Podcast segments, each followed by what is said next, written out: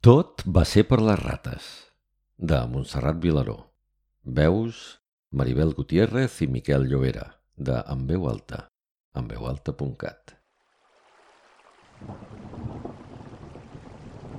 La Maria, asseguda a la seva cadira, havia escoltat atentament les paraules i la història que de mica en mica i de forma pausada el seu veí li havia explicat.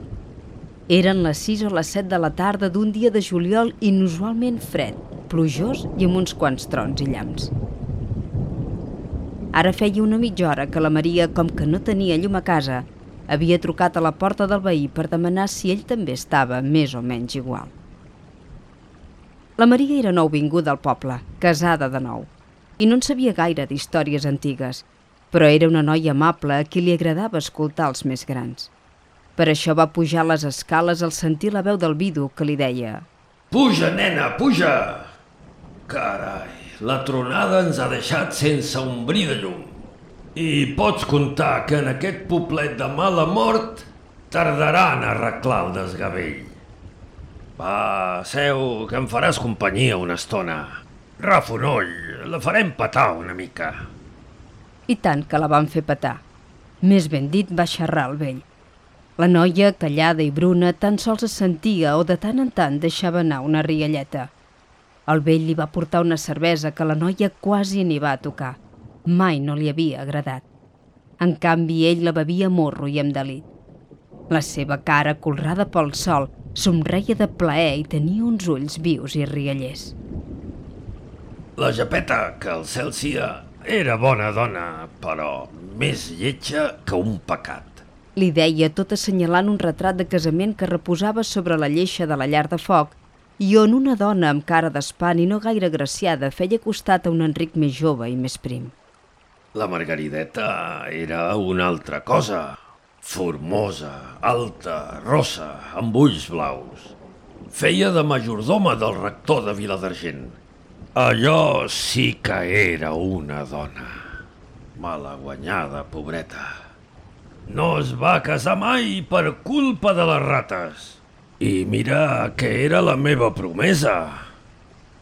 El rector de Viladargent, un vell xacrós de més de 90 anys, va morir molt aviat després de la meva visita, que vaig fer quan la Margarideta era la meva xicota. Llavors ella va haver d'anar de majordoma a Vila de Dalt amb un rector relativament jove. Ai, si no hagués estat per les rates. Quines rates? Va preguntar la Maria.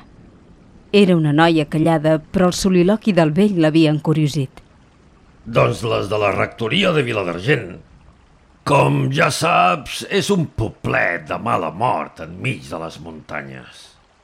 Jo festejava amb la Margarideta i un diumenge la vaig anar a veure. Feia un dia rúfol, més o menys com avui. El rector es va portar molt bé, em va donar sopar i no va voler que marxés al poble amb aquell aiguat. Va dir a la Margarideta que preparés l'habitació dels convidats. Recollons! Em perdó, xiqueta. L'habitació era sota teulat.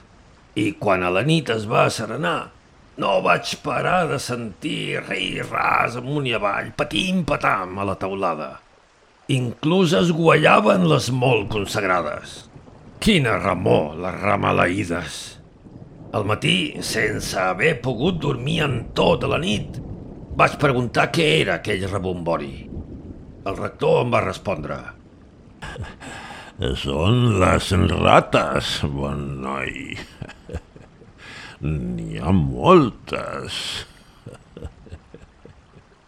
Més tard, la Margarideta em va dir que no era veritat, que ella mateixa havia emmetzinat totes les rates amb panses farcides d'arsènic i que no n'hi havia cap ni una. Que segur que el del soroll era el rector, que tenia una llanterna màgica i que, quan volia, feia màgia. En dir això, la Margarideta va posar cara d'espant. Li vaig fer un petó de comiat robat i vaig marxar. I no hi vaig tornar mai més. Mira, noia, no sé si va ser la paraula arsènic o llanterna màgica, però jo no estava per romansos. En arribar a casa li vaig escriure una carta on li deia adeu, que millor deixar córrer tot el festeig. Ara me'n penedeixo, xiqueta, però ja va estar fet. I després no volia competir pas amb el rector de Vila de Dalt i me la vaig treure del cap. Ara estic segur que va ser per les ramaleïdes rates. Més endavant vaig conèixer la Japeta. I mira, mai no vaig tenir por que ningú la volgués, a part de mi. Era massa lletja. I saps què et dic, noia? Doncs que una dona que metzina rates amb arsènic i ho fa farcint les panses una a una, me la imagino amb un pensament ben malèfic. Primer van ser elles, les rates, però potser un dia ho podia fer amb mi, no? Millor tenir-la ben lluny, aquella dona. No ho creus, fadrineta? En aquell moment va arribar l'electricitat. La Maria es va acomiadar del vell i mentre baixava les escales rient per sota el nas, encara va sentir les paraules de l'Enric que murmurava Maleïdes rates.